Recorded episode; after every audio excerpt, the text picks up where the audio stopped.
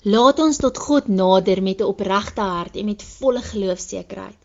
Ons harte is immers gereinig van 'n skuldige gewete en ons liggame is gewas met skoon water.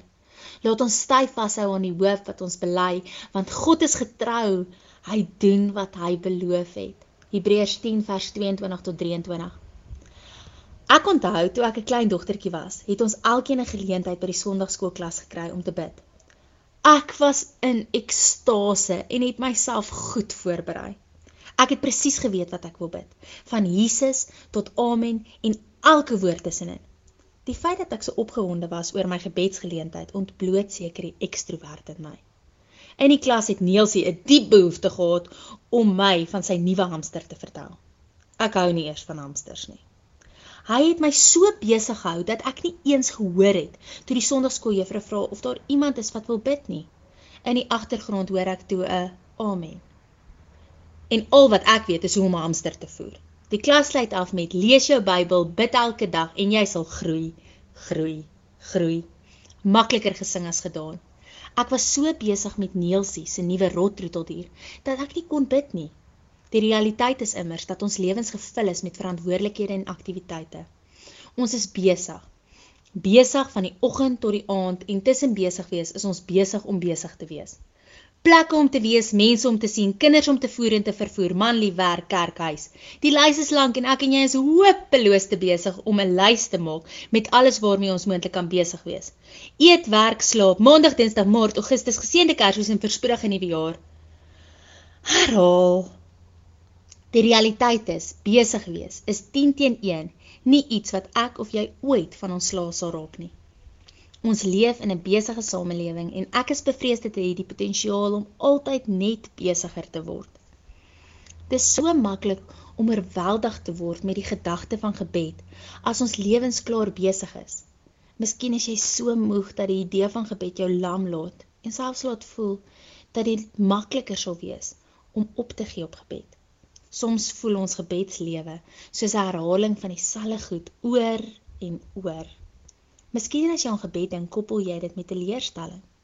Gebed is dalk iets wat jou intimideer omdat jy nie altyd weet wat of hoe om te bid nie.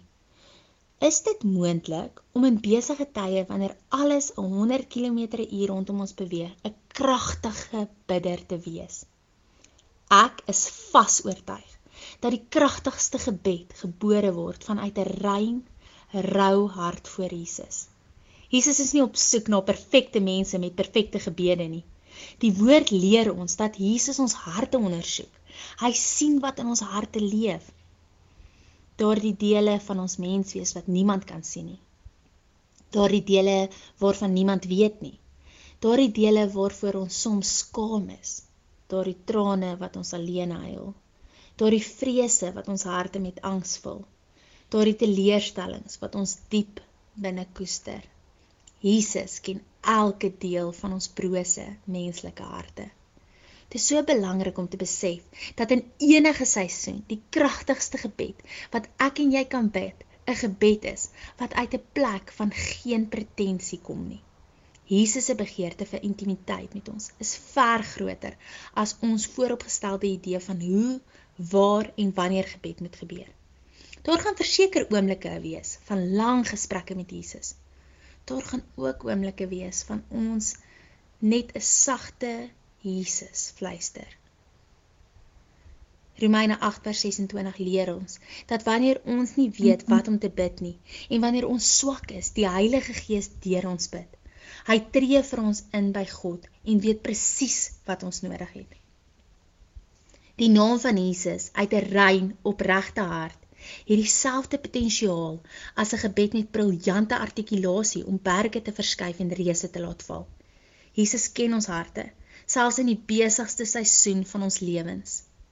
Daar is vir Jesus niks mooier as wanneer ons onsself roekeloos in sy teenwoordigheid vind nie. Ek weet nie waar jy is in jou lewe nie. Ek weet ook nie hoe jou gebedslewe lyk nie. Hier is wat ek wel weet of jy bid in die kar terwyl jy op pad werk toe is of geskeduleerde gebedstye het. Jesus hoor jou en ken jou hart. Die krag van gebed is nie in ons woorde nie, maar wat in ons harte leef. Ek wil jou uitdaag om in jou seisoen uit jou hart uit te bid, sonder enige reëls of voorwensels, rou en opreg voor Jesus.